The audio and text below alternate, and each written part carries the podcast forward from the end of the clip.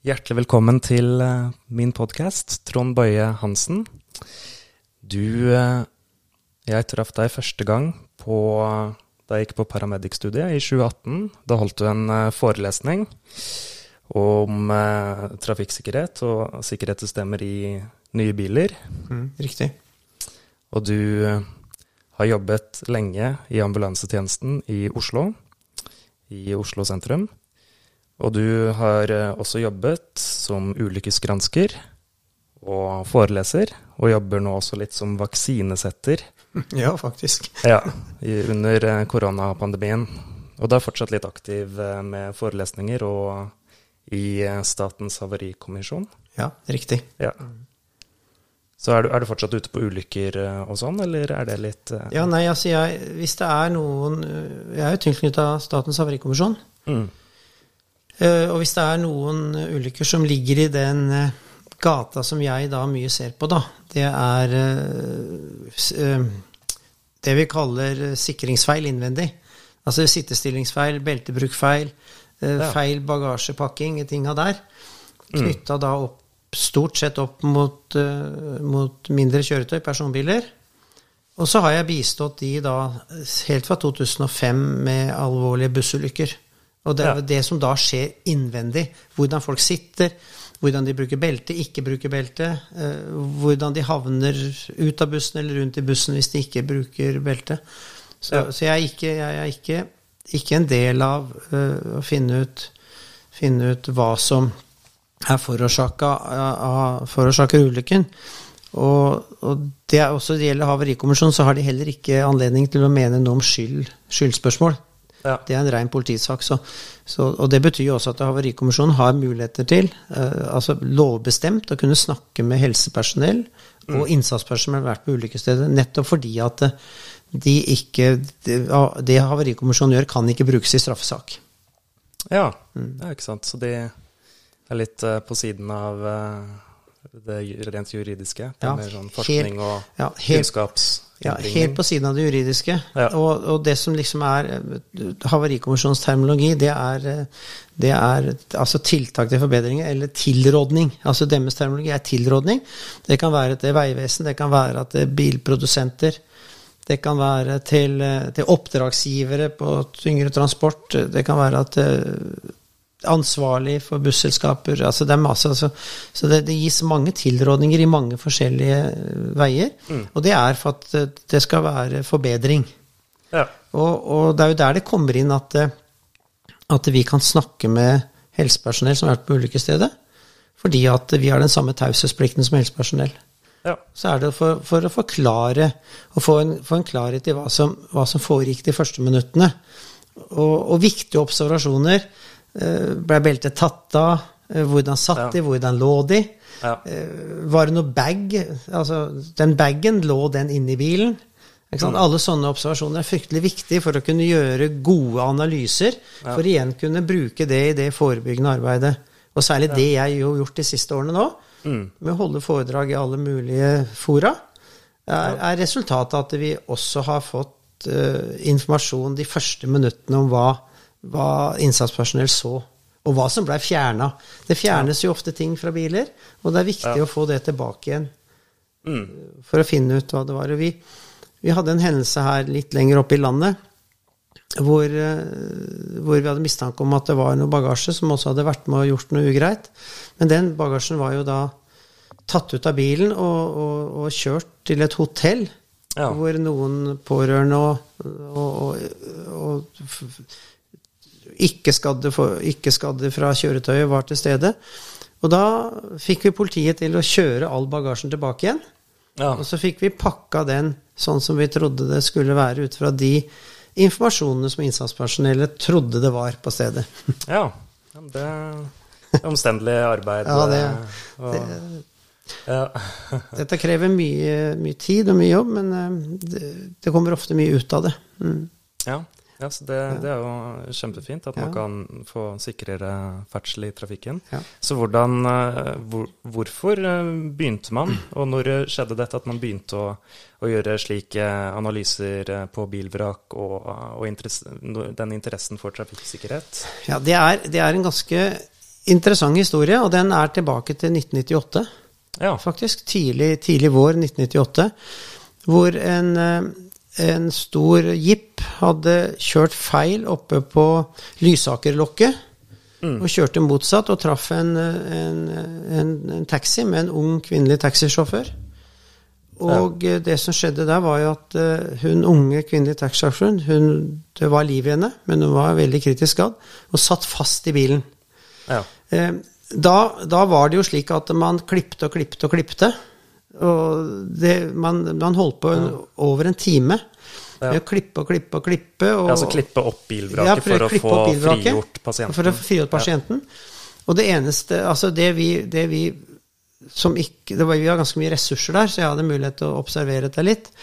Ja. Og, og, det ble jo sånn at det eneste som egentlig i løpet av den timen ikke var fritt, det var jo pasienten. Alt annet ble klippet bort.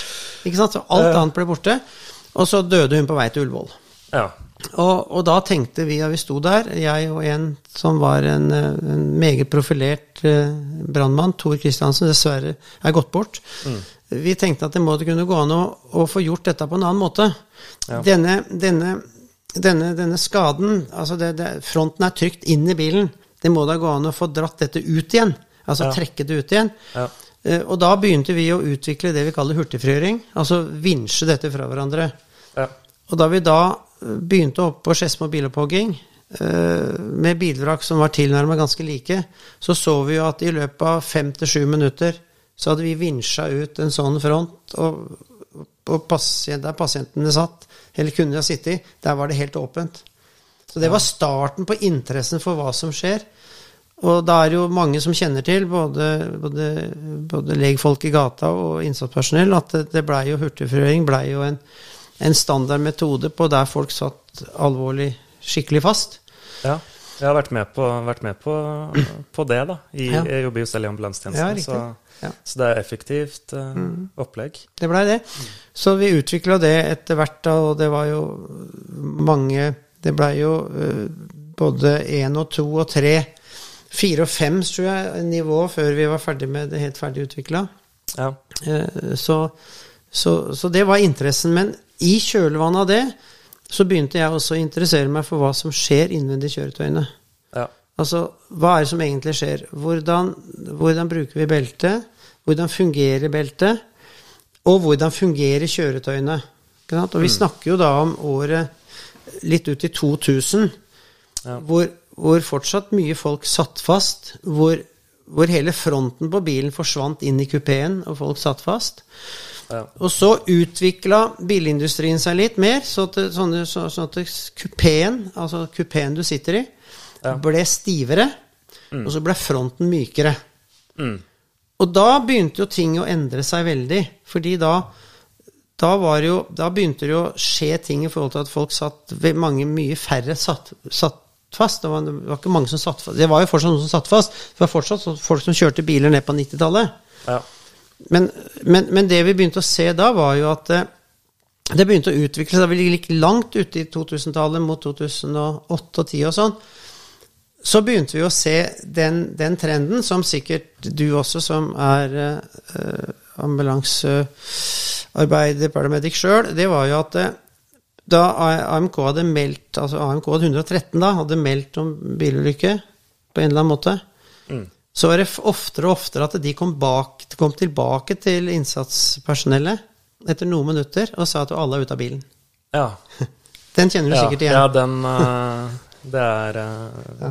Veldig vanlig det at både brannpoliti og ambulanse rykker ut med blålys og sirener, og så får vi meldingen ja, ja alle er ute av bilen. De står og prater med mobiltelefonen. Ja, ikke sant?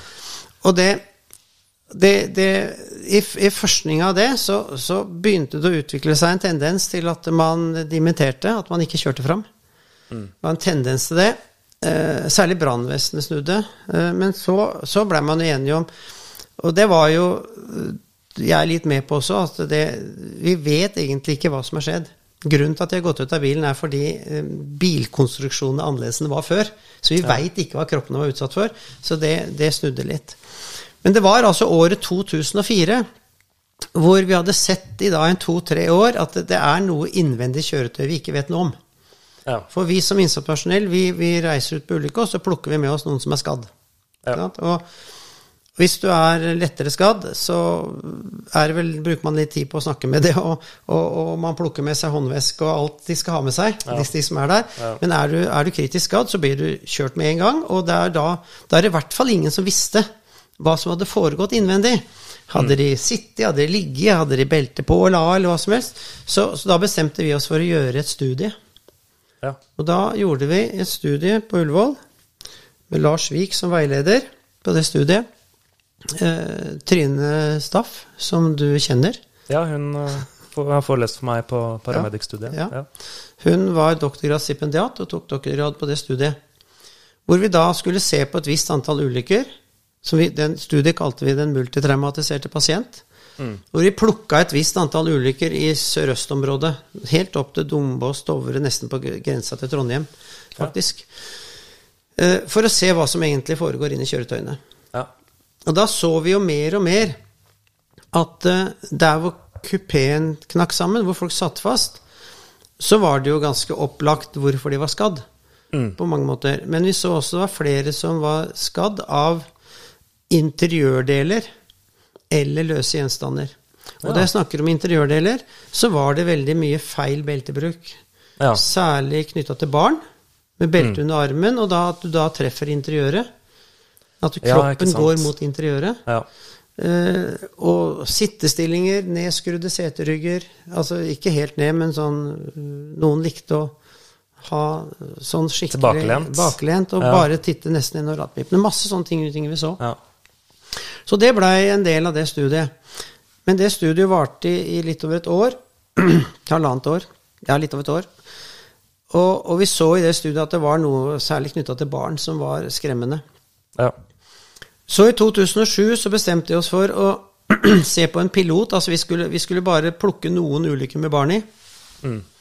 Eh, og det vi gjorde da, var at vi så på Vi så på eh, 15 ulykker 16 ulykker med 7, 27 barn. Ja. Og vi hadde altså sju drepte og åtte hardt skadd. Ja. I, i, på de få ulykkene på ja. en periode fra 2007 til 2009. Vi plukka bare de mest alvorlige. Ja. Det som var tragisk der, var at det var ingen barn satt usikra. Det var ingen som satt uten belte. Mm. Og det var ingen barn som satt i feil utstyr i forhold til alder. Nei. Altså, det var Beltet var feil på kroppen. Sittestilling var feil, og noen lå. No, en i hvert fall hadde lagt seg bak setet. Ja. Selv om du hadde belte på da, så er det jo ikke sikkert. Og så var det en som da fikk en stor koffert ja. i bakseteryggen og, og omkom av den grunn. Og så var det også en som fikk en, fikk en planke kjørt i rumpa på en bil som hadde en planke som stakk ut. Ja, som gikk, som gikk inn i kupeen. Ja, fra bilen som krasjet ja, i bilen. Ikke sant? Så, så, det var jo en uforskyldt, eller litt halvveis uforskyldt sak, som ikke skyldtes noe sitte- eller beltefeil. Nei, ja. Men de andre skyldtes altså enten sittestillingsfeil, beltefeil eller bagasjefeil. Ja. Mm. Og det var en pilot. Uh, piloten ble gjort fordi vi skulle, vi skulle Vi måtte dokumentere om det var grunnlag for å gjøre et hovedstudie. Ja, ikke sant, så det... Og så starta vi hovedstudiet i 2009. Ja. Men samtidig med det hovedstudiet så starta vi med et svært forebyggende arbeid. Ja. Alle funna vi hadde sett, alle feilene vi hadde sett, delte vi med Trygg Trafikk. Hatt et veldig nært forhold til de, og samarbeida veldig med de i ja. alle, alle år til dags dato. Eh, vi delte med, med Statens vegvesen. Det samme ja. der, et fantastisk samarbeid. Eh, vi, eh, vi, ble, vi hadde forelesning for UP. Utrykningspolitiet. Utrykningspolitiet. Ja. Og vi blei med de ut på vei. Ja. Hvor de vinka inn biler med barn i. Mm. Og hvor vi flytta på belter, retta på belter, flytta ja. på stoler, retta på sittestilling. Mm. Så på bagasje, pakking. Ja. Vi gjorde det, så vi, altså, så, sånn at vi gjorde en kjempejobb på den forebyggende siden. Mm. Uh, og særlig det at vi delte funnene våre med Trygg Trafikk og Statens vegvesen, som igjen hadde et nettverk til å kunne bringe dette veldig ut. Ja, utover Norge. Utover Norge. Ja, vi hadde jo ikke for så vidt det nettverket. Nei. Vi var med UP osv., men det nettverket vi hadde, var at vi hadde veldig mye foredrag for eget innsatspersonell. Ja. Politi, brann ambulanse. Mm. Uh, og, og, og mottagelse på sykehus og i anestesiavdelinger. Og vi, altså vi, vi, vi greide å nå egen yrkesgruppe og samarbeidspartnere. Som igjen da selvfølgelig hadde både barn og, og var medlem av idrettsforeninger og alt Ja, og kunne bringe videre. Så, litt jungeltelegraf eh, Ja, jungeltelegrafen begynte da å gå ordentlig, ikke sant. Så, så, så i det mens, det mens det hovedstudiet gikk, da, så så um, hadde vi altså fra august 2009 Nå begynte hovedstudiet begynte i begynte i, eh, i januar 2009. Mm. Så hadde vi da dessverre noen, noen få tragiske hendelser uh, i begynnelsen av det året 2009. Men nå skal jeg hoppe litt, fordi da, det, som, det som er viktig nå, det er tallet. Fra august 2009 Mm. må du følge med. Fra august 2009 til 1. desember i 2017 så var det Ja. ingen døde barn mellom 0 og 16 år i kjøretøy. Wow. wow, det er Så nå hoppa jeg over noe vi gjorde imellom, men det var for å bare ta med det tallet. Ja, så det var, det var noe som førte til det tallet, kanskje? Det var det, det studiet, og, Mm. og det at vi delte funnene våre med disse andre etatene, Mm. organisasjonene, og, og, og, de, og de virkelig sto på Ja. for oss, eller sammen, som vi kan si. Og ikke minst UP, også utrykningspoliti, som Ja. så hva vi retta på da de var sammen med oss. Mm. Og de har jo drevet, drevet samme type kampanje til dags dato, og driver det enda. Ja, altså fantastisk. de har kontroller på biler med barn i, så ser de på hvordan de Ja. sitter og sånn. Hvordan er det da når UP stopper en bil med barn? Er det veldig sånn eh, er det, Gir de bøter eh, på beltebruk på barn hvis det er sånn armen under beltet? Det er jo sånn Altså, det er nok litt variert. Altså, Ja. det, det med belte under armen er jo per definisjon uh, forelegg for ikke beltebruk. Ja, ikke sant. Eh, og det er klart at eh, da vi hadde kampanjen i sammen med UP, Ja. så, så var- skulle dette være en veiledningskampanje. Ja. Så da retta vi på beltene. Ja, Og putta de over og fortalte at det var både farlig og ulovlig og alt det. ja ikke Og sant. det var en god trend. Ja. Og jeg kan eh, Altså, jeg tenker meg at hvis det er en seksåring som sitter i baksetet og De vrir seg ut og har sittet og tulla med noe, Ja. og foreldra blir stoppa, og politiet sier at det er belte under armen, og foreldra Ja. sier men i all verden, Ja. det er ikke vanlig, så tror jeg ikke det gir noe for det. Da tror jeg Nei. det gir en god veiledning. ja. Jeg, tror jeg. Men det er klart altså at du og jeg Mm. er noen uh, susehuer og sitter med belte under armen, så fortjener vi det forelegget, syns jeg. ja, enig. så, så, nei, jeg, så jeg tror det er, det jeg tror det er et, et godt skjønn der, altså. På hva Ja. som er bevisst handling og ubevisst handling, egentlig. Mm. Ja, så det, det var jo da det, Og så var det, har det da skjedd da Skjedde det to dødsfall i, i desember i 17? Ja, I samme bil, eller? Nei, to forskjellige, forskjellige steder i landet også. Ja. Og så har det da vært da noen kritisk skadde og, og, og et dødsfall etter det også.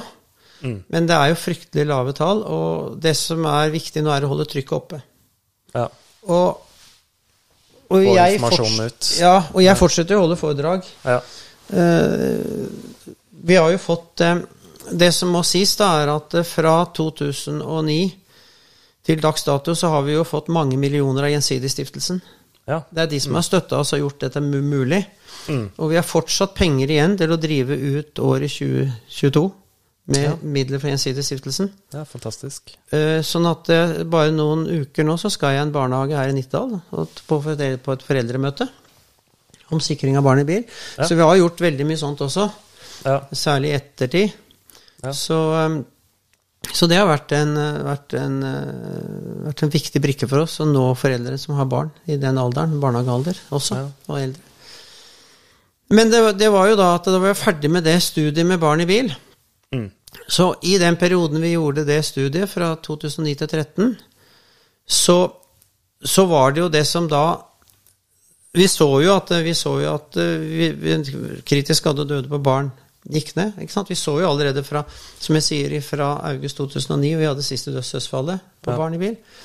Og det var ikke fram til vi slutta det studiet, og, og stipendiaten disputerte, Marianne Skjerven Martinsen, kirurg, som, som disputerte på det studiet, Ja. så så vi det at det, dette med barn det gikk fint nå. Og så skjønte vi at vi skulle ikke slippe strengen helt. Men vi så at det var forferdelig tall på ulykker med ungdom. Ja. Fryktelig stygge tall. Um, særlig i vårt nedslagsfelt. Altså Det vi har operert på hele tida, altså studiene våre har, har operert innafor Ullevål sitt nedslagsfelt. Ja. Altså Der hvor Ullevål har en regionfunksjon. ja, ikke sant. Det er stort. Ja, fordi Ulva har jo vært en del av eller sto, vært driveren i studiet. Ja. Eh, sånn at, eh, sånn at eh, Og det var også Rettsmedisinsk institutt var også en, en, en del av de to første studiene. Både ungdom og eh, barn og ungdom. Men så så vi jo at ja, som sagt, ungdom, og særlig i vårt slektslagsfelt, og, og ja, på mange steder, og særlig på Sørlandet. Så da fikk vi penger igjen av Gjensidig til å gjøre det samme med ungdomsulykkene.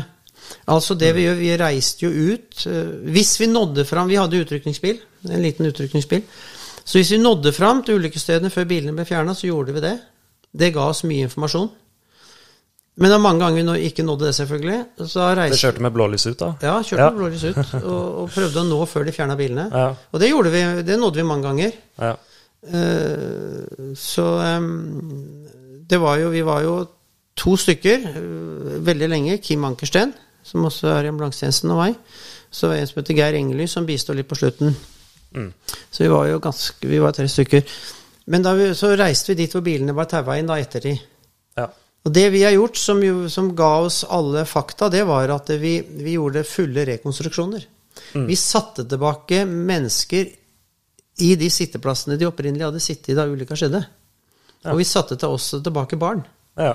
Eh, og, og det var at hvis ikke det var stygt inni i bilene, altså hvis det ikke var Ja. noe blod eller noe inni i Ja. bilene, så brukte vi barn. Og det var barn fra ambulanse, politi og brann. Ja, barna til personell. Barna Ja. til, til, til oss sjøl.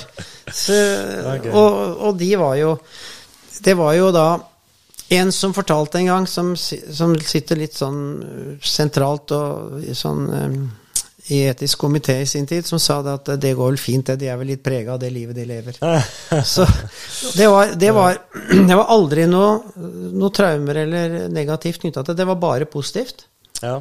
Vi hadde en episode med en eh, guttunge på sju år som satt i en bil for oss og demonstrerte hvordan det, beltet hadde sklidd av skulder, og, og beltet hadde ligget for langt ut, og, og alt det der. Og Ja. da fortalte pappaen til kameraten hans da, at de skulle kjøre på fotballkamp. ja. Da hadde han guttungen sagt at du, du pappaen til Fredrik, du må stoppe, for Fredrik sitter med belte under armen. Ikke sant? Så ja, så de ble også ambassadører? så de blei jo det, ikke sant? De barna, de barna som var med oss ut og så på det, blei jo det. Ja, ja. Så det har vi gjort både i alle, alle studiene våre, har vi brukt rekonstruksjoner. Mm. Og så var det, hendte det var noen episoder hvor det var litt stygt i bilene, da brukte vi dokker. Ja. Vi hadde, Rettsmedisin hadde noen sånne skikkelig fine dokker. Med alder veldig små, opp til tre år. Og så hadde, kunne vi bruke uh, junior, altså Lærdal junior. ja sånn er hjerte-lungeredning. Hjerte-lungeredningsdokka. Ja. Helfigur junior kunne vi bruke. Så ja, så vi hadde muligheten. Så det. Ja. Så får man eh, ja. godt bilde på sittestillinga, Ja, hvor, hvor Ja. det kanskje har vært en glipp. Ja, så da fikk vi, fikk vi prøvd det, selv om det var stygt i bildene. Mm. 2013 til 2016 så kjørte vi et studium og så på alle ulykker med ungdom. På samme modell Ja. som vi har gjort. Samtidig med studiet, innhenting av data, sjekk av bilene, så var det en som da som er da doktorgradsstipendiat, Mm. eh, som da skal disputere nå snart, eh, om ikke, ikke så lenge. Eh, og det forebyggende arbeidet. ja. Og da vi da ser på Da vi da ser på tallene nå, fra 2017 til dags dato, så er det ungdoms... Altså drepte og hardt skadde blant ungdom, så var det en gruppa som har gått mest ned. ja. Det syns vi er veldig flott. Mm. Og da vi tar for oss Agder-fylkene, så har ungdomsulykkene gått ned med nesten 60% Ja, wow. så, og, og det skyldes ikke bare oss, da. Altså, Vi har gjort en stor jobb med å dokumentere hva som egentlig foregår i kjøretøy. Mm. Men det er igjen mange, det er både, og særlig den gruppa Nullvisjon Agder, Ja. eh, hvor to kollegaer av oss har halv stilling, eh, Ja. og vi sammen med en da som ikke er kollega av oss, men også halv stilling, ja. eh, som driver da, det, driver da halv stilling med å drive forebyggende. Mot ungdomsulykker på skoler, barnehager, alt mulig rart. Altså, og vi har bistått i alle år, da.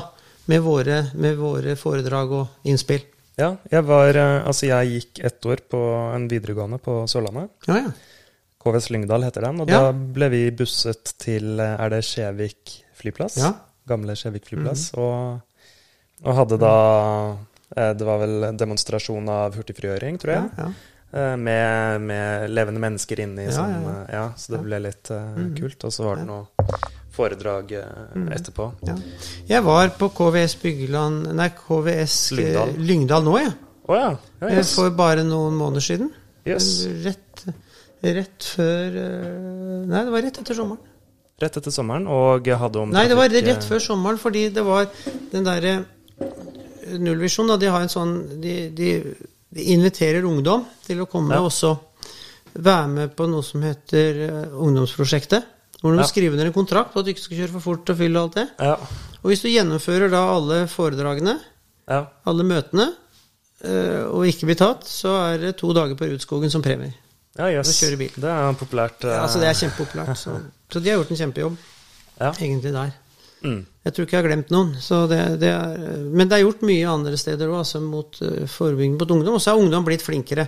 Det er um, Ikke beltebruk blant ungdom. Er, altså det, det, er beltebruk. Det er på. Ja. Det er blitt mye bedre. Og så har det jo blitt uh, mer moderne biler, så det er mm. vanskelig å sitte uten belte. Ja. Så også, så um, ja. Så Samtidig med alt dette så har jeg jo da bistått Havarikommisjonen med spesielle hendelser. Ja. Så jobba med det, og, og fått uh, selvfølgelig da da de rapportene er ferdige og er offentlige, så kan vi jo, kunne jeg også ha brukt noe av de funnene vi har gjort der, og putta på det, det forebyggende arbeidet, det funnet vi har gjort i andre sammenheng. Ja. Jeg ser for meg at det er en sånn, sånn eh, etisk side ved den forskningen, da, at, uh, at når dere finner noe mm. som virker svært relevant og ja. viktig for sikkerheten, så, mm.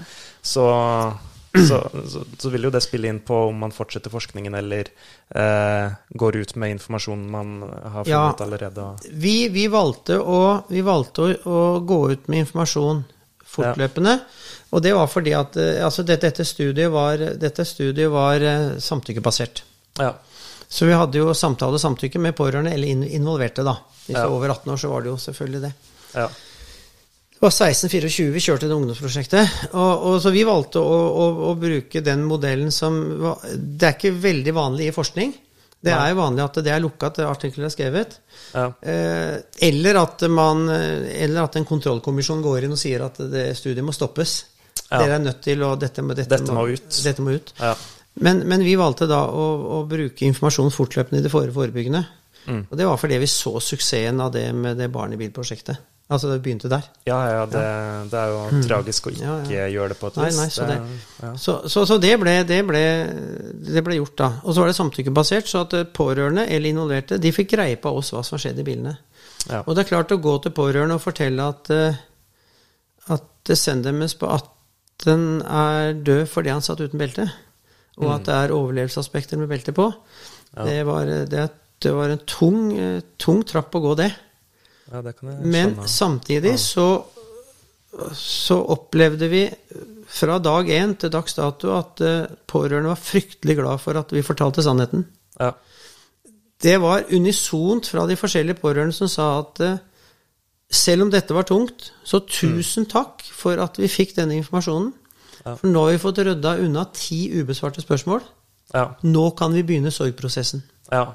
Ja, Det er ikke noe vits i å skåne, skåne Nei, altså det tenke er ikke at man skal skåne, for det Nei, gjør du ikke. Det, er, det, var nok i gamle dager. Man eh, skulle ikke si sannheten verken utafor eller innafor sykehus. Men det har vi sett nå, at det har vært en kjempesuksess. Og det er jo, det er jo en trend og inne på sykehus i dag. De siste årene har man selvfølgelig snakka med pårørende om hva som er ja. virkeligheten.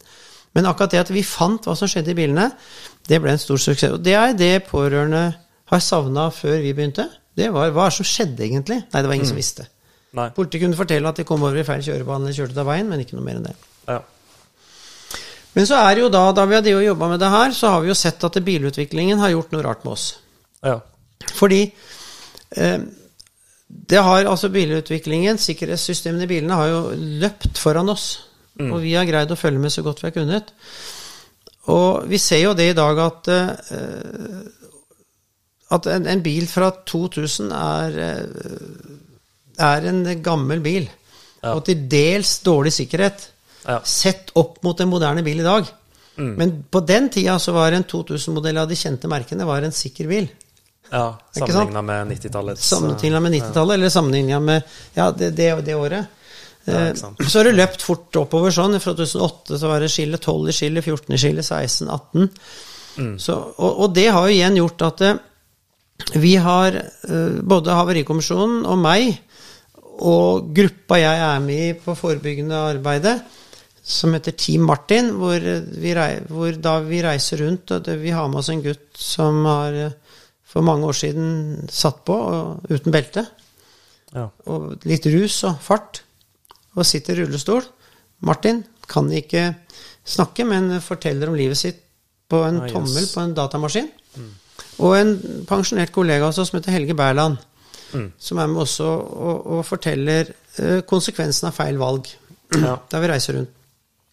Så det, det, både det teamet og jobben jeg har gjort for Havarikommisjonen, har medført at vi har sett noe vi begynte å lure på allerede i 2008 2008-2010, det var at uh, kupeen på bilene var like hele, men folk var skadd. Ja. Og de var skadd til tross for at de satt med belte. Ja, yes. Og, og det, det, var, det, det, var, altså ikke det var ikke, det var ikke energi som skulle tilsi det vi hørte om før, at uh, det er en magisk grense på 70 km for om organene begynner å flytte på seg innvendig.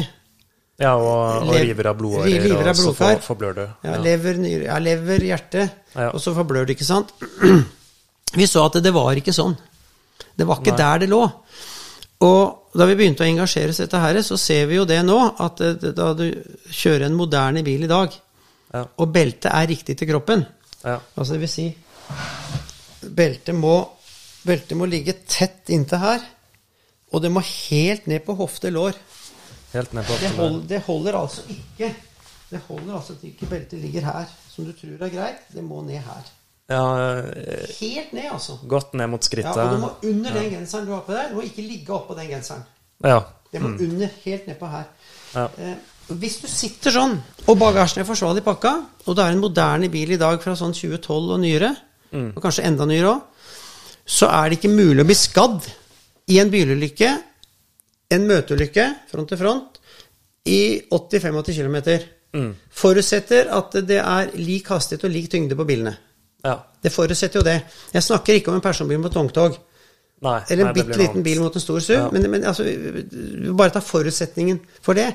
Og det sier at Og da er det 85 km 80-85 km i bråbut uten at noe flytter på seg inn i kroppen. Ja. Det er så, så, fantastisk. Ja, og det skyldes at det, det, er deformasjonssoner i front på de moderne bilene. Mm. Altså, fronten knekker helt sammen inn til torpedoveggen. Torpedoveggen, det som er ved frontruta. Okay, ja. Og kupeen forsvinner under Nei, og motoren forsvinner under bilen. Ja. Men sjølve sikkerhetsburet skal ikke knekke sammen. Mm. Og det betyr at det, det, alt det som knekker sammen i fronten, pang, pang, pang, pang, pang, pang, det tar opp masse energi. Ja. Og så har de moderne bilene i dag også noe som heter kraftbegrenser på beltet. Ja, det husker jeg du fortalte om ja, på paramedic-studiet. Ja. Det var en genial, uh, genial oppfinnelse. Altså, først, så, først er det beltestrammer. Altså, det er en pyroteknisk tensat som gjør at beltet drar inn for å ta slakk. Mm. Men i samme hundredels sekund så slipper beltet ut igjen 15-20 cm med kraftig friksjon. Sånn ja. Altså kroppen, kroppen går utover og lander med beltet som holder igjen. Og kroppen stopper ikke samtidig med bilen. Kroppen Nei. stopper sakte i beltet, som gir etter. Beltet gir deg etter, så kroppen går forover. Så etter at bilen har stoppa, så stopper kroppen sakte og rolig i beltet. Mm. Og da skjønner jo alle at det, det, er jo ikke muligheter for organer å flytte på seg inn i kroppen så lenge kroppen ikke bråstopper. Nei, det, det blir en slags sakte det blir en oppbremsing. Kroppen ja. har en oppbremsing mm. inni i beltet, fordi beltet har en sånn, ja. beltet har en sånn bremsesak på seg. Ikke sant? Beltet har en sånn, sånn brems som gjør ja. det. Jeg bare repeterer det en gang, fordi du sto, du sto litt, og kanskje det ble Ja. litt unna Ja, ja, mikrofonen. mm. Men det er en, en tennsats i belteavretningen som drar inn beltet først. som strammer beltet inn først. Ja. Og så slipper beltet ut igjen, Ja. med kraftig friksjon, altså. Mm. Det er en brems som gjør at kroppen drar med seg beltet fremover, ja. og lander da sammen med beltet i den kraftige bremsen etter at bilen har stoppa. Mm, så man unngår den bråstoppen. Un unngår bråstoppen. Ja. Altså, tidligere, så, da man snakka om denne magiske grensa, så var det fordi at beltet låste. Ja. Og da bråstopper kroppen samtidig med bilen, ikke sant? Ja. Og det gjør ikke. Jeg opplevde jeg opplevde, det, det har vel ikke vært den tennsatsen, men jeg opplevde at beltet strammer seg i noen Ja. biler. Ja, så er det da mange biler i dag som har noe som heter forhåndsstramming. Ja. Eh, Det er mange som har det bare du setter deg inn i bilen og starter opp, så drar den til lite grann, og så slipper den opp igjen. Den sitter ikke låst. Ja. Og så er det da mange biler som har det vi kaller forhåndsramming. Dvs. Si at eh, hvis bilen kjenner at det er noe som begynner å skje som ikke er bra, Ja. begynner å sladde, vri seg, helle seg, Ja. så drar den forhåndsramminga inn ja. og holder der. Mm. Helt til bilen er stabilisert seg igjen, så, så slipper den. Mm. Det er ikke det samme som beltestrammer pyroteknisk. Nei. Dette er en forhåndsstramming som skal forberede beltet på Mm. Og sitte stramt i kroppen. Ja. Men så er det jo det som skjer i dag, at eh, vi ser at eh, det er mange som er skadd. I moderne biler, i hastigheter Altså særlig, særlig ser vi det der hvor det er to lettere skadd og utskadd i en bil, Ja. og én er drept og én er kritisk skadd, eksempelvis. Da veit vi med en gang at det er det vi kaller sikringsfeil i den bilen. Sikringsfeil, altså Feil bruk av belte. Feil bruk av belte, belteføringsfeil, sittestillingsfeil eller bagasjefeil. Altså? Da, da, da, da, lukter det det med en gang, og det stemmer nesten hver eneste gang. Ja. Ikke sant? Men så kan du jo ha en fører eller to foran, eller bare, bare én i bilen, en fører, som, som, som er skadd. Og det er veldig ofte er dette skader i buk som du faktisk ikke Som du ikke får noe Som, som, som, du, ikke, som du ikke observerer med en gang Nei. egentlig. Så, så, så det er jo en helt ny trend nå. Det er jo dette at eh, folk går ut av bilene Ja. og tilsynelatende er uskadd fordi kuppen knekker ikke sammen. Ingen som sitter, sitter fast lenger. Ja. Men det er helt umulig å ikke, ikke reise fram på ulykkesstedet, og det er helt umulig å ikke ta med disse. Disse må tas med. Ja. Til, til altså Finner man noe gærent på dem, så må man ta dem til et traumesykehus. Ja. Eh, Er det bare mistanke om et eller annet som man ikke greier å finne noe på, så kan du jo gå til et sykehus med kirurgi og anestesi. Men Ja. dette, dette, må jo være, dette, dette er jo hvert eneste sykehusområde, helseforetak, som må vurdere hvordan de skal legge opp disse rutinene. Ja. Men det er helt umulig å dimittere på skadested, for du aner ikke hva som har skjedd. Nei. Og hvis det har skjedd noe, så er det sikringsfeil. Altså noen har gjort noe feil inn i bilen. Ja. Så hadde man da vært, hadde man da vært 100, 100, 100 sikker på at eh, alle gjorde alt riktig til hver tid, så kunne du jo vært inn på skadested, men det kan Ja. du aldri vite. ja, nei, Det bør observeres litt, og Ja, se om det utvikler vite. noen tegn på noe. Så, så for Hvis jeg hopper nå over til innsatspersonell, særlig da ambulansepersonell, og brann og politi og så vidt, så er det jo en ting nå i de moderne bilene som folk har gått ut, og det er tydelig store materielle skader. Det blir det uansett i dag, da. Altså, Ja. Om du kjører i en, eh, i en fjellvegg i 40, så er det store materielle skader. Ja. Så det sier egentlig ingenting. Og airbag utløst sier heller ingenting. Fordi den løser ut i en hastighet over 30 med en viss en energiforplantning inn i bilen. Ja. Så det sier heller ingenting. Nei. Så, så, så, så store materielle skader og airbag utløst sier ingenting. Det er veldig mye hastigheten da situasjonen oppstår, som sier mye. Altså, Hva var hastigheten da situasjonen oppsto? Ja. Og det er ikke sikkert knytta til hastigheten, fartsgrense på veien. Nei. Så det er å spørre folka som var i bilen, som kjørte bilen, eller de bak. Mm. Og så er det da neste, det er å inspisere beltemerker.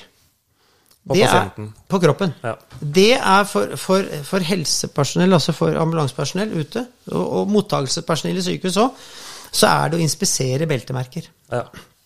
Det er, det er det som vil gi et parameter på eh, Altså det, det Skademekanikk. Mm. Belte. Se på beltemerker.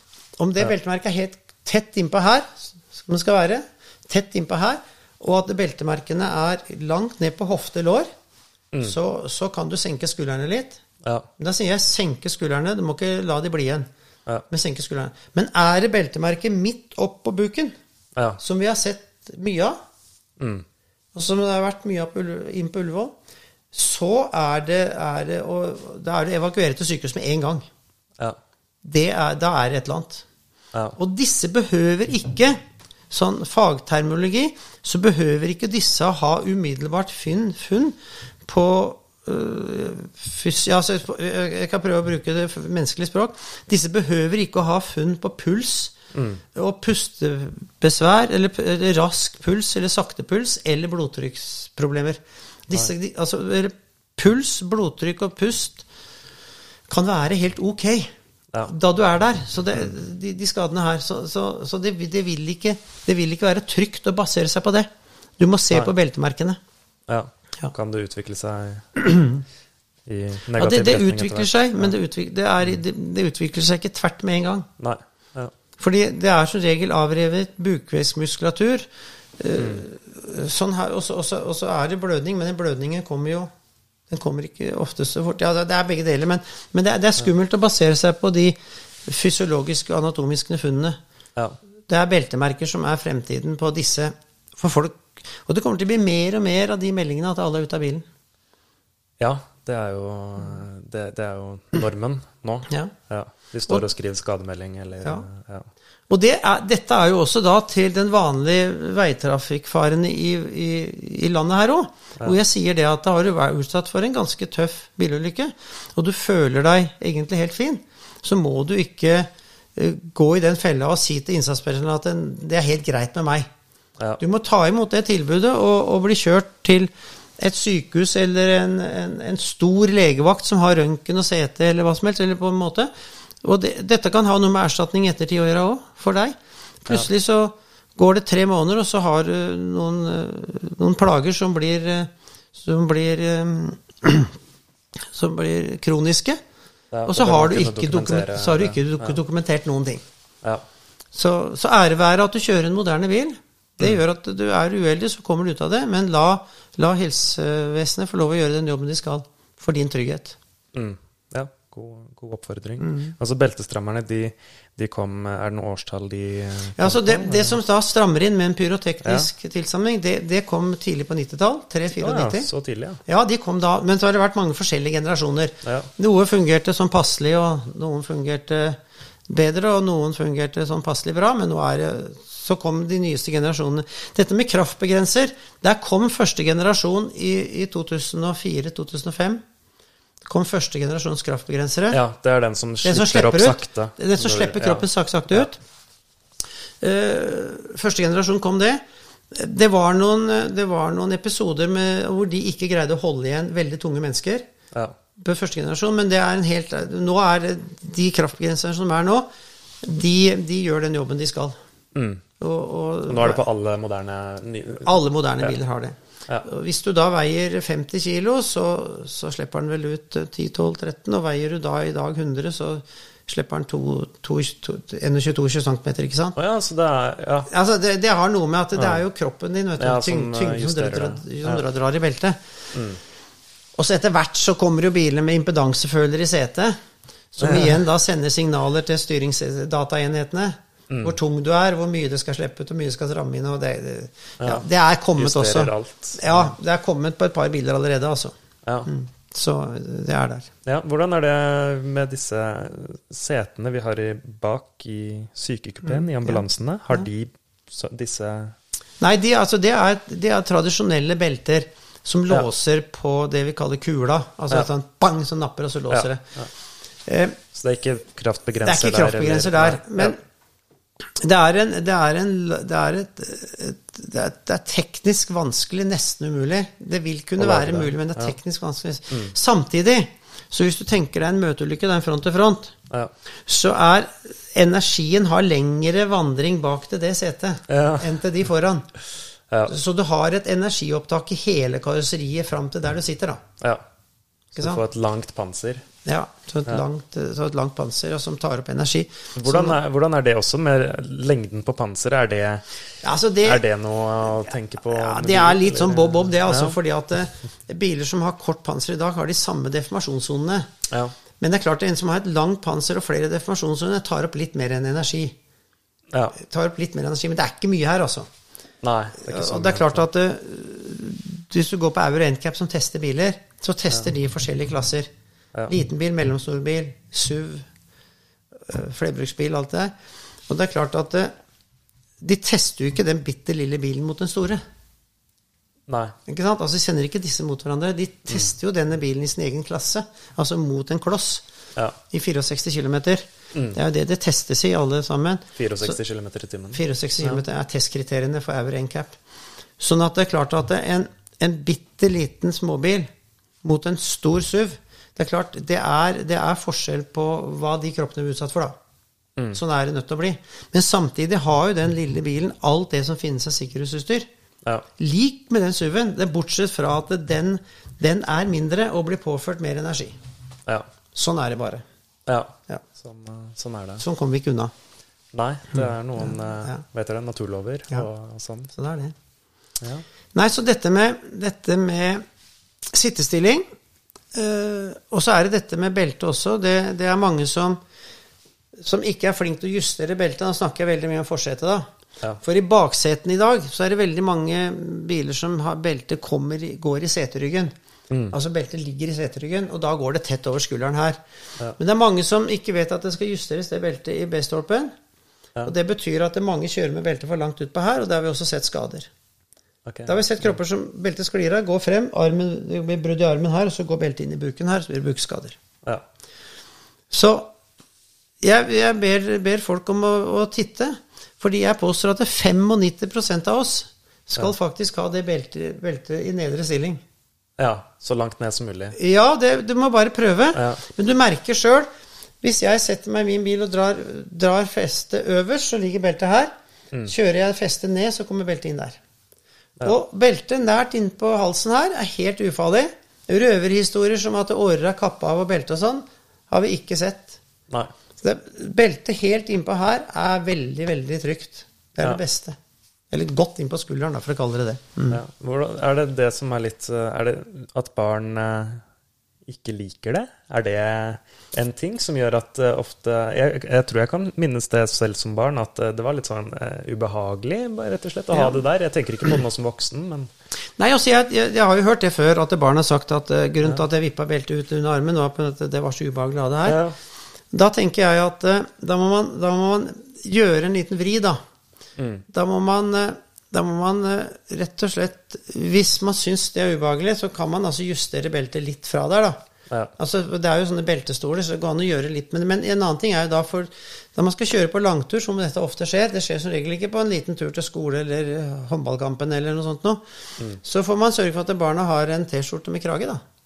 Ja, så slipper den å komme så, tett på Så ligger den inntil kragen. Ja. Mm. Så det, man må jo bare ta de grepene man skal. Det er bedre at man, at man da har T-skjorte med krage, og beltet er riktig, enn at barna driver og tuller og tar av seg beltet og vipper i hist og dist ja. hvor det måtte være. en. Billig sikkerhet. Ja, så det, det har jeg snakka mye om. Eller rett og slett bare dra i T-skjorta sånn, og så legge beltet inntil. Ja. ja det, er, det, er, et triks du kan gjøre der. Altså. Ja, slipper man den eh, gnagingen. Ja. Og så er det jo dette da med, med tykke klær, tykke jakker. Ja. Under beltet. Ja, altså det får det være sånn at uh, vi har et land hvor det er kaldt. Men da får vi starte opp bilen. Ja. Uh, og så får vi jo la bilen bli varm, eller på en eller annen måte, eller uh, ja. Mm. Eller så går det an å ha den tykke jakka over seg, da. Altså ha den tykke jakka altså, på seg sånn, men ikke kneppe den igjen. Ja. Hvis du skal kjøre et lite stykke og det er drittkaldt, så tar du jo på deg beltet sånn, og så pusser du på at beltet blir putta under i Det ligger noen jakkeflikker på sida her, da, ikke sant? Putter ja. du under her og drar det til. Mm. Så ligger jo beltet her, selv om du har jakka over skulderen og på ryggen. Men jeg mener jo det at det, vi har sett det at tykke klær, bare sånn genser som du har ja. Da kan beltet plutselig bli liggende her hvis du ikke flytter det. Det er en tykk ullgenser der, ja. Ja. Altså det blir liggende her. Mm. Beltet blir liggende oppå den flippen der. Det skal ligge der nede. Så vi ser jo at klær er en greie som lager mye trøbbel for oss. Altså. Er det at, uh, at, det glir på genseren? Eller? Nei, altså, det, det, som skjer, er at, det, det, er, det, er nesten, det, er jo nesten, ingen av oss Det er jo nesten ingen av oss som sitter, sitter helt Sitter som en prest? Sitter som prest sånn. Ja. Vi sitter jo helt vanlig sånn. Ja. Ikke sant? Hvis, du da har, hvis beltet ligger da oppå magen din mm. Du har bare tatt på deg pang sånn, så ligger det der. Det som lager de bukskadene, det er ned og under. Ja. Og beltet går helt inntil 15 cm inn i buken. Ja, yes. Det kan gå så langt at det treffer ryggraden. Mm. Så ja. ja. Vi har som sagt lagd en infofilm sammen med Ullevål, Havarikommisjonen. Og Ullevål lagde en infofilm ja. som, som, som, viser litt eh, og en forklaring om hva som skjer. Så skal vi, den skal du få linken til og legge ut. Jeg skal få, få mm. den publisert, den. Spredt den. Mm. Så godt uh, jeg kan. Ja. Mm. Ja, så belte. Også dette med å være tilbakelent, det, det er uh, ugunstig. Altså, Det er helt greit å sitte vanlig i en bil. Ja, sitte vanlig. Vanlig i en bil og beltet er ned på hoftelår. Ja. Det er helt klart. Men du vet, det å legge ned setet og sove altså det, mm. Hvis du skal kjøre langt og, og, legge ned og sove på høyre side, det er jo livsfarlig. Det må jo aldri skje. Du må jo aldri skru ned setet mens bilen er i gang.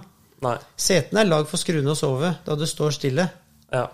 En annen, ja, andre ulykker vi har sett på som har hatt uh, konsekvenser med bukskader, det er der hvor det sitter noen i baksetet, og så skal man kjøre veldig langt. Og så aker du deg fram på setet sånn, og så legger du huet på nakkeputa, eller, ja. enten på nakkeputa eller på setekanten. For å komme litt mer horisontalt. For å sove. Ja. Og der har vi hatt hendelser med, med stygge bukskader, fordi selv om da beltet i utgangspunktet er lagt riktig, mm. så er det bare flytter seg oppover og inn i buken. Mm. Og du går ned og under, og det er merker etter knærne i seteryggen foran. Ja. Det er ikke sant. Så, Ryker korsbånda kanskje òg, da. Så. Ja, det kan også gjøre, men det, ja. det, har også vært episoder hvor det slår fram ryggen til de foran, så de får både skader og vondt etter beltet. Mm. Seteryggen går fram, og beltet holder igjen. Så ja. nei, det, sitt, altså det, å gjøre ting riktig i bil er jo Det som er målet vårt nå, er å få ut at folk får sitte sånn det skal sitte i bil. Og, ja. og må man hvile og sove, så får man stoppe å gjøre det, eller mm. gjøre det før man kjører, eller etter man har kjørt. Ja. Mm. Ja, Spørs om uh, vi får disse selvkjørende bilene etter hvert, at selv, selv, sjåføren legger seg ned og sover. ja, det, og der er noen som da ikke har tenkt på de konsekvensene at beltet går inn i buken hvis det skjer noe. Nei. Så jeg kan ikke helt skjønne hvor eh, bilprodusentene, og særlig bilforhandlerne, er der. Det, det er tydelig at bilforhandlerne mangler, mangler kunnskap, altså. Ja. Mm. Mm. ja. Altså dette med trafikksikkerhet og mobilbruk, har du noen kommentar på det? Jeg ser jo masse folk i trafikken som sitter med mobilen i hånda. Ja, ja, ja. Uh, jeg har jo vært Jeg syns jeg er ganske fortvila at folk kjører uniformerte biler. Politi, ja. brann, ambulanse. Mm. Og det var ikke mange dager siden, jeg skal ikke si hvor men det var møtte, Ikke i Asker, håper jeg? Nei, jeg skal ikke si hvor. Jeg møtte en ambulanse som, hvor han satt med, satt med hånda i, på kanten av på døra ja. og prata i telefonen og kjørte. Ja. Og det syns så jævlig godt. Ja. Og er det noe folk legger merke til, så er det uniformerte biler. Ja. Så det syns jeg er en uting. Men jo, altså dette med mobilbruk Vi har eh, i, i studiet på ungdom så har vi nok en hendelse Vi har to. Eh, vi har to hendelser hvor den ene veit vi helt sikkert at det ble tasta på telefonen da bilen kjørte ut av veien. Ja. Fordi pårørende ga, ga, til, ga, samtykke til politiet til å kunne ta ut tele, teledata. Ja. Så, så, så da, og der er det sikkert mye sorte tall. Ja. Fordi at det er ikke det er ikke alltid al alvorlighetsgraden i ulykka er så stor at politiet av eget initiativ kan ta ut teledata. Mm. Og så er, ikke, så er det ikke alltid de får et samtykke. Nei. Så der er det noen sorte tall. Men da vi ser hva forelegg som foregår hver gang det er politikontroller, mm. og alle forelegga som foregår med bruk av mobil, så, så, er jeg helt sikker på det er noen sorte tall med ulykkesbruk, ulykker forårsaka av bruk av mobiltelefon. Ja.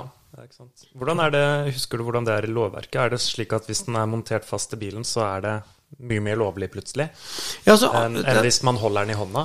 Altså, det er, det, det, hånd, hvis du holder mobiltelefonen i hånda, så er det forelegg. Ja. Og nå tror jeg det er 5000 blitt. Jeg er ikke Ja. sikker, men skal jeg sjekke. Det, det husker jeg ikke noe om. Det er blitt en kjempesum. Uansett hvor telefonen er en, ellers i bilen, Ja. om man ligger i lomma di, eller man ligger i konsollen, eller hvor telefonen er, og den går på Bluetooth handsfree på bilen, Ja. så er det jo lov. ja. Det er ikke noe krav til hvor telefonen skal være i bilen. Nei. Ja.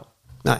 Nei, Bare ikke hold den i hånda. Bare ikke hold den i hånda. Og skal du, skal du snakke og bruke, snakke i telefonen, så må det skje via handsfree Bluetooth i bilen. Ja. Og det er ikke en moderne bil i dag som ikke har det systemet, da.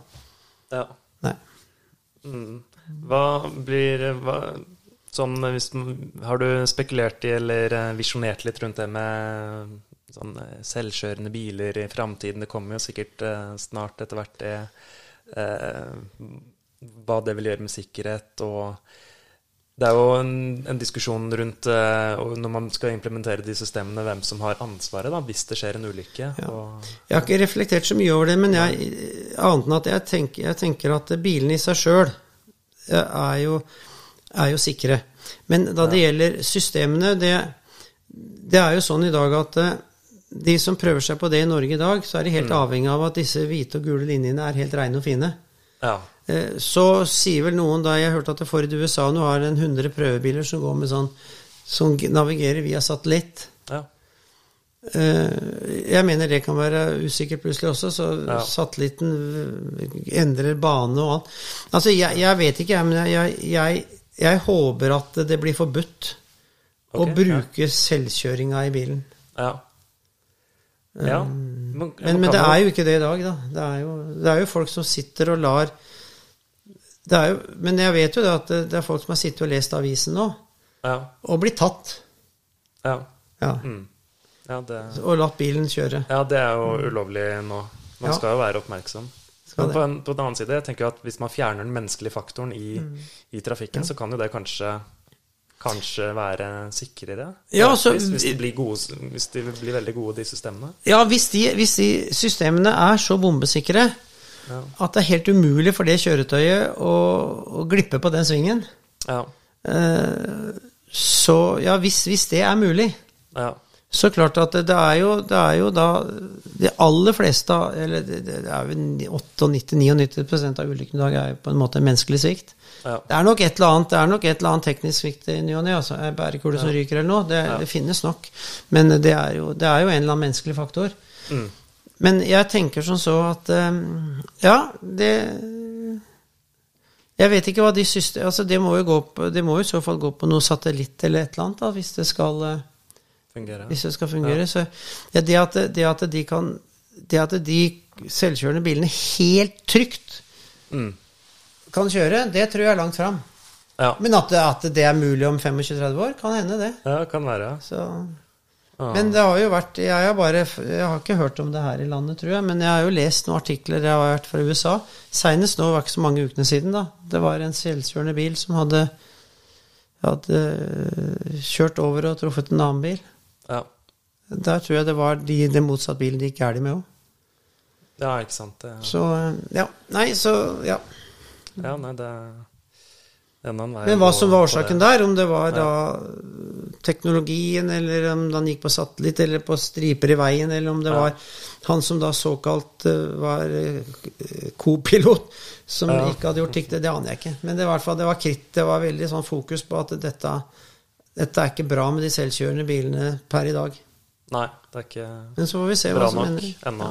Ja, Og så jo, så er det jo kommet allerede, og det kommer enda mer utfordringer til brann- og redningsetatene i forhold til disse elektriske bilene, da.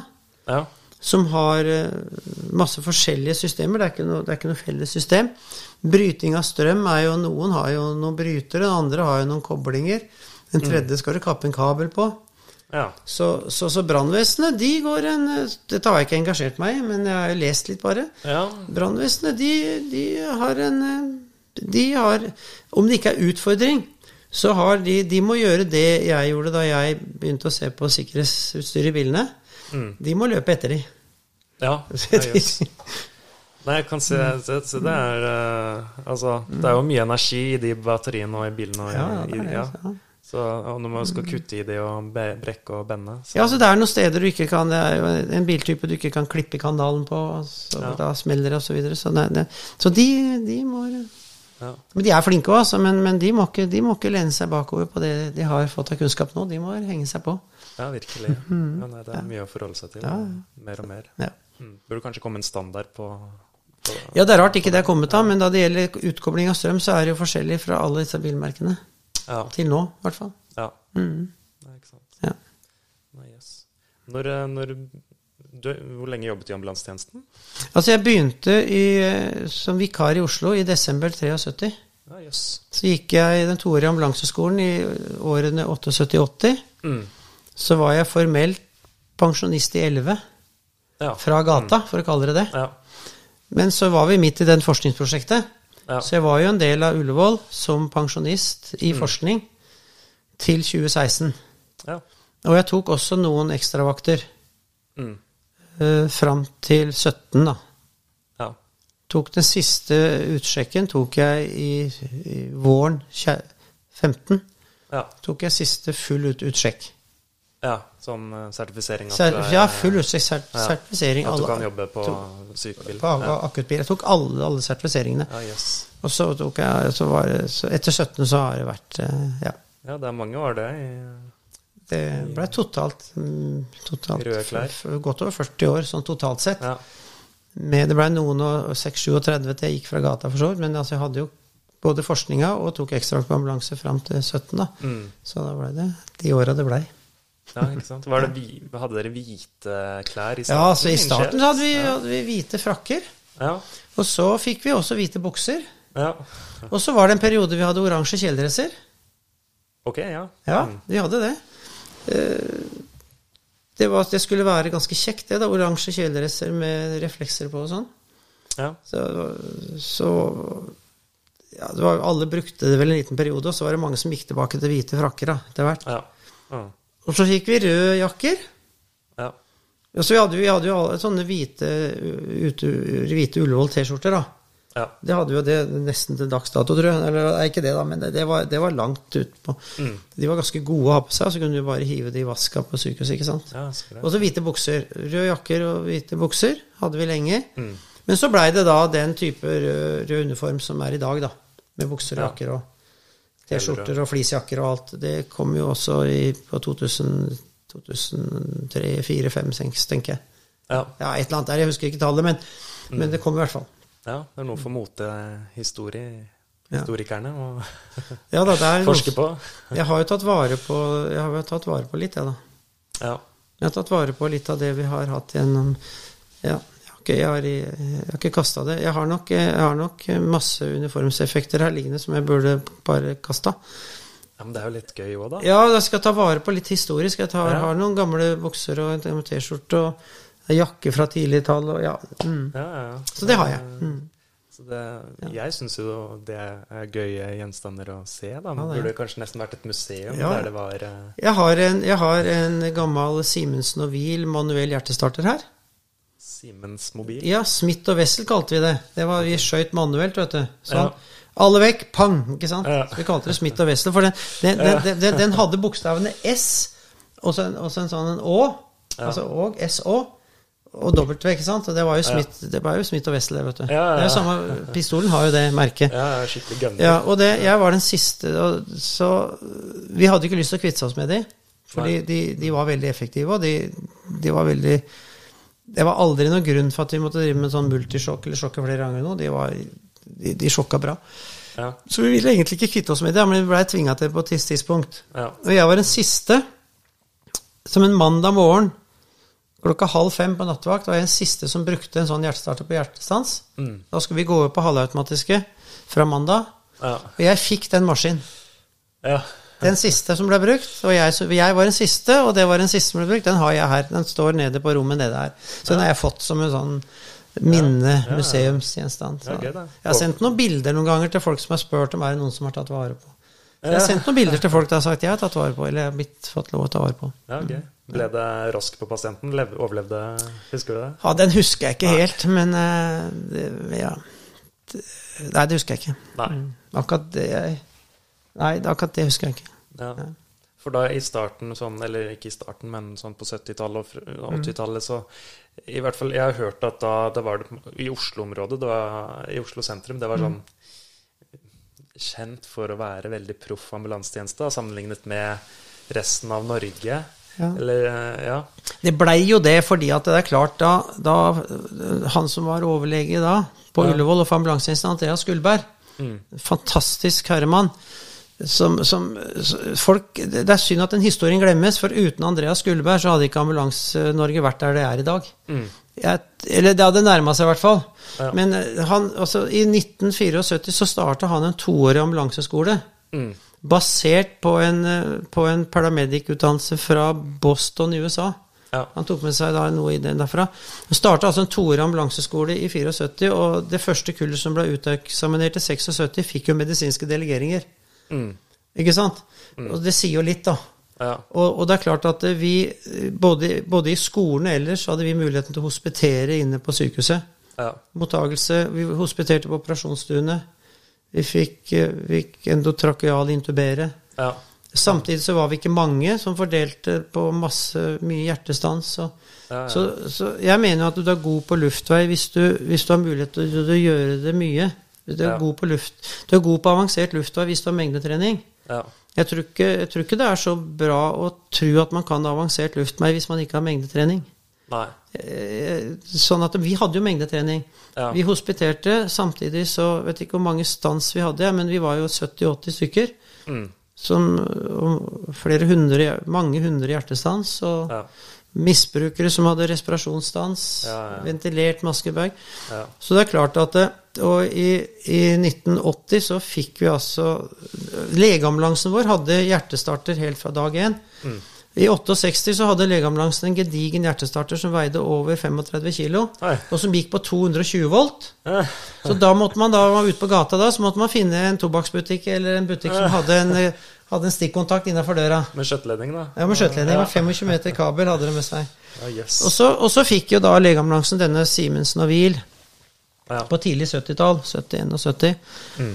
Så det så var alltid en sånn der. Og så fikk de, de, de fire første ambulansene hos oss fikk i 1980 mm. uh, Simensen Wiel defibrillatorer. Ja. Det er ikke hjertestart, det heter jo defibrillator den gangen.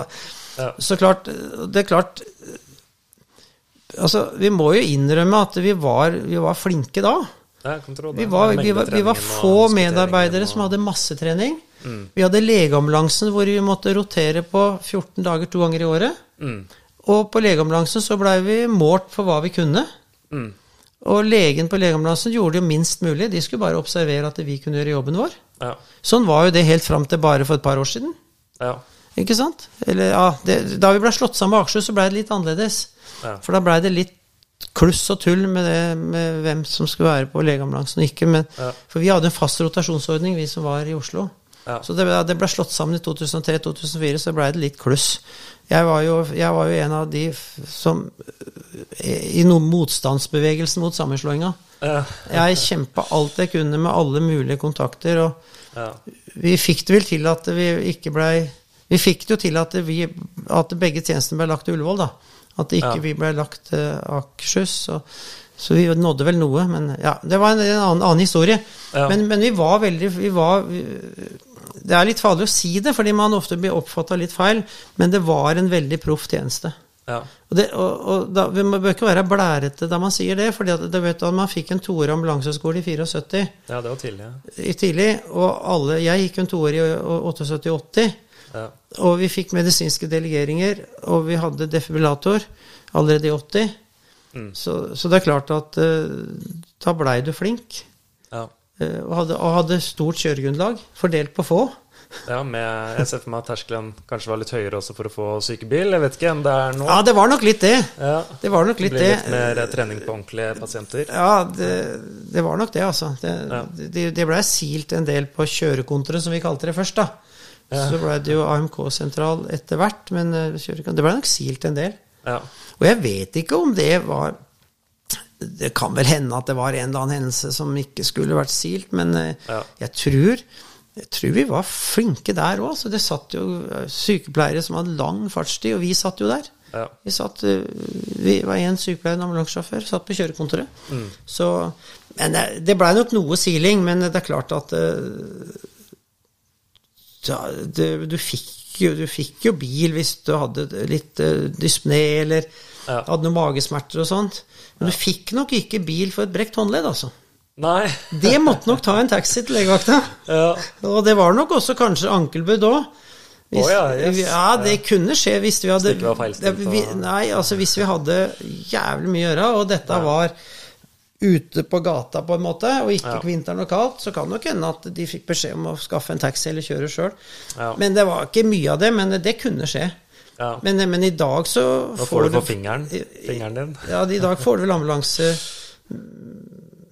Men, men, men, jeg, jeg, jeg, men jeg forsvarer de på AMK, jeg. Jeg skjønner det veldig godt med den, den, den klageverdenen som vi er i. Ja. Hvor, hvor klagene sitter så løs. Så det er ikke en, det er ikke en sytråd som holder i klagen engang Nei, før den det er ryker. sant. Så, så, så, så jeg, er, skjønner, jeg. er en, en, enig med de. Ja, er verden er sånn det er trygt å nå. ha ryggen fri. Ja, så, så, så jeg er enig i sånn de gjør det nå. Det, er- det er riktig. Ut, ut Ja. fra sånn situasjon det er. Så ære, ære være de for det. Ja, ja det, er ikke, det er ikke så mye å, Ja. Mm. å gjøre med det. Det er det trygg, tryggeste Ja da, for, det- for dem. Ja. Og det er klart at vi hadde jo da Vi jobba jo eh, vi, vi hadde jo Legeambulansen gikk på dag og kveld, ikke på natt og helger. Og filosofien til Andreas Gullberg det var at eh, for det første skulle vi rotere på legeambulansen alle sammen. Og bevise at vi hadde den kvaliteten vi skulle ha. Og hvis vi beviste at vi hadde den kvaliteten vi skulle ha, så skulle vi kunne gjøre like trygg jobb på natt og helger som vi gjorde på legeambulansen. Mm. Altså, det, og, og, og filosofien med at vi skulle være på legeambulansen, var også en ting til. Og det var jo at det, det skulle ikke være noe forskjell på hvis det var samtidskonflikt. Ikke sant? Ja. Altså, legeambulansen fikk den ene brystsmerta, og, og, ambulan og en vanlig ambulanse fikk den andre brystsmerta. Så skulle det ikke være noe forskjell på den kvaliteten. Det, altså, samt, det skulle ikke være sånn at samtidskonflikt gjorde at det var død, død, bedre, dårlig kvalitet på den ene enn den andre. Ja. ja men det, det er jo bra. Og så blei det en stolthet i det. Jeg kan skjønne det. Det blei en stolthet i å gjøre denne jobben til enhver tid helt optimalt. Ja. Så, så, og det, det kjenner jeg på helt til dags dato, hvordan den stoltheten var. Ja. ja, det høres sunt ut. Ja, Og, og- en sånn kultur. Ja. Og den stoltheten med å få masse brever fra pårørende. Jeg har en svær bunke nede. Ja. Fra, fra pårørende og pasienter. Ja. Og det er jo ikke bare meg, masse kollegaer som har det. Og jeg, jeg har tatt vare på det, håper de andre har gjort det òg. Ja, ja men det, det er jo fint, fint å høre, da. Jeg blir jo litt uh, sjalu, for Ja. jeg, jeg får uh, Det er sjelden eh, Jeg tror ikke jeg har fått uh, et brev fra pårørende. Nei. Men det, jeg vet ikke om det handler om jobben jeg gjør, eller kulturen har endret seg litt. sånn, Det er, det er kulturen. Og det er, for det første så er dere 400-500 dere er fem- fem- 400-500 medarbeidere. Ja. En stor tjeneste. Vi var noen få. ja. Og, ja. Så, og alle holdt til der nede i Oslo? alle var i Storgata. Ja. Og så og så er det at i dag så har folk en helt annen forventning. Ja.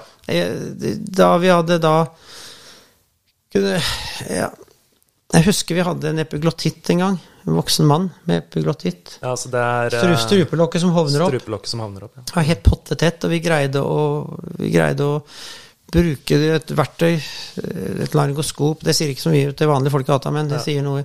Å få, få lirka til sida dette, dette svære Ja. strupelokket som var som en svær, eh, svær kirsebær. Fikk Mm. lirka den til sida, fikk putta en liten sånn barnetube til å holde nedi der, så han fikk Ah, yes. og så videre, ikke sant? Wow. Det var sånn triks vi gjorde. Jeg husker vi Ja. kom på Ullevål, og en av Cecilie-gjengen som møtte oss da, og en som også kjører på legeambulansen, da vi sa det var epiglottitt, han trodde oss. En annen som da sa at det kan ikke være det, vel. Men det var det, altså. De titta ned så så det. Og da tenker jeg at eh, Da tenker jeg at, eh, at eh, der, der fikk vi jo brev fra, Ja. fra, fra, fra han et, etterpå, selvfølgelig. Ja, yes. Mm. Men, men jeg tenker det, det er sånne episoder som var dramatiske. Mm. Men, men, men i dag så er det så store forventninger blant folk. Ikke sant? Ja. Altså, I dag, hadde det vært en lignende episode i dag, så hadde du ikke fått noe brev fordi at for folk har forventa at dette skulle du gjøre. Ja. Altså, altså det, er forventninger til at da du kommer der som paramedic, ambulansearbeider, sykepleier, lege eller hva det er, Ja. så forventer de at dette her skal du gjøre. ja. Så det er ikke sikkert du får noe brev. nei, nei, så, så Dette er det, forventninger i samfunnet, det. Ja, det, det var litt annerledes litt den gangen der at da, vi, da ble gjort noe helt spesielt, eller fikk livet en hjertestans, som de kunne besøke etterpå. Ja. Så ja, det var Ja. Jeg kan skjønne det, at det endret seg litt. Så jeg tror det er forventningen blant folk. Det er ikke, det, det er ikke, det, ja. er, er ikke vi som greide å fortelle til pårørende at de må skrive til oss. Ja. Det var ikke det. Hvordan ambulansetjenesten Det har blitt veldig mm. eksponert nylig med TV-serier og sånn også. Så at, at, det liksom gir, bygger opp under forventninger. Mm. Men så var jeg så heldig i 2014, da, så fikk jeg den der prisen Norske helter. Ah, yes. Står der borte. Ja. Ja, med noe Ser ut som noen runer, nesten. Nei, det er Nei, bare skriften som skriften, er Skriften 'Norske helter' står ja. opp ned der. Det. Nei, det var jo pga. engasjementet i Både engasjementet i hurtigfrigjøring mm. og, og, engasjementet for å utvikle ambulansetjenesten og forskninga. Ja. Altså en kombinasjon av alt, og særlig kanskje i forhold til at jeg har, vært en veldig, jeg har også vært en pådriver for å holde ambulansetjenesten og finne på nye ting og nye metoder. Mm. Så, det er fantastisk. Det, ja. det er fin det er morsomt å ha. statuett, mm, ja. Kaller man det. Ja. Sommerfugl eh, med norske flagg eh, på vengene øverst. Og, mm, Nei, altså det, det, er morsomt å ha med seg videre, da. Yes. Men hurtigfrigjøringen, ble det, er, er, det et norsk konsept? Sånn? det er norsk. Det, det ble utvikla av ambulansetjenesten i Oslo og Oslo politidistrikt og brannvesenet i Oslo. Ja, yes. Og det var, altså, det var, tre stykker Det var tre stykker som var pådriveren i starten. Mm. Det var Tor, Tor Kristiansen, en, en profilert brannmann, og så var det Harald Klemmesen i Oslo politi, mm. og så var det meg. Mm. Men så var det mange med etter hvert, da. Ja, ja. Men det var vi som hadde ideen, og satte det til livs. Og så var det mange dyktige folk i brannvesen og politiambulanse som var med på dette etter hvert. Ja. Altså. Så det er mange som Men, men vi, vi, satte dette til, til livs. Ja, er det blitt litt sånn standardmetode i andre land også? Ja, for, svenskene begynte litt, danskene ja. litt, uh, tyskerne litt. Men det, det er konservativt, altså. Ja. Så, og så har det etter hvert nå Så sitter det nesten ingen fast i en bil lenger. Ja, nei, ja. Det, folk er ikke fastklemt. Nei, fastglemt, Sånn at det er eh, ja, de, de, trener på det. Mm. Og så er det kommet enda mer moderne hydraulisk verktøy som gjør at det er sånne enkle oppgaver F.eks. Et, et, du sitter fast litt med et venstre bein fordi ja. at hjulet, hjulet på en måte har klemt inn ja. venstre, veldig, Skaden på bilen er venstre i hjørnet, så sitter du fast med bein. Så ja. bruker man nok en sånn sylinder som er kjapt bare ta der. Noe som presser det presser ut, ut igjen. Sånn at eh, ja. Trenger ikke brenge hele bilen ut. Nei, ikke sant. Bør ikke ta hele bilen. Så så det har kommet bedre og moderne hydraulisk verktøy også, som gjør at de mm. enkleste oppgavene det går mye raskere med det da, enn eh, ja. Så. ja. Nei, så det var et norsk konsept. Det har vært en morsom reise, det også. Ja.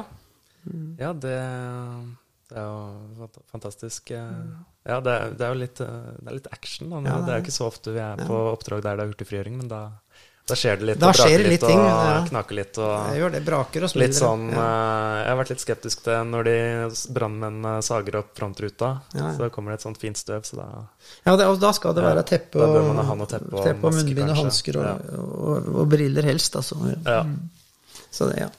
Mm. Nei, så um, Ja, nå, jeg, nå, er jeg jo da med Jeg driver, skal for, fortsatt drive undervisning, og så er jeg fortsatt på Havarikommisjonen. Ja. Foreløpig så har jeg satt det ut året neste år. Mm. Så får jeg se. se det kan vel hende at jeg skal det kan vel hende at jeg skal prøve å finne på nettet et sted hvor det står 'det å være pensjonist'. Prøv å finne ut åssen det kurs. Også, Ja, et kurs om det. Hvis ikke det er det, så får du skape det selv, kanskje? Ja, ikke altså, jeg får prøve å finne ut av det. Får du være enda mer engasjert. Ja. ja. Nei, tusen takk for at du tok deg tiden til å, å være med på ja. Tormods pod. Ja, det syns jeg var bare hyggelig. Kom gjerne tilbake hvis det skulle være noe en annen gang òg. Ja, så flott. Og mm. tusen takk for at jeg fikk uh, komme hit til hjemmet ditt ja. og spille inn dette. Ja. Det, hjem, her ute i Nittedal. Ja. Her er vi på prærien. Her bor jeg i skauen med to gårder som nærmeste nabo. Ja. Veldig fint. Mm. Yes. Ja.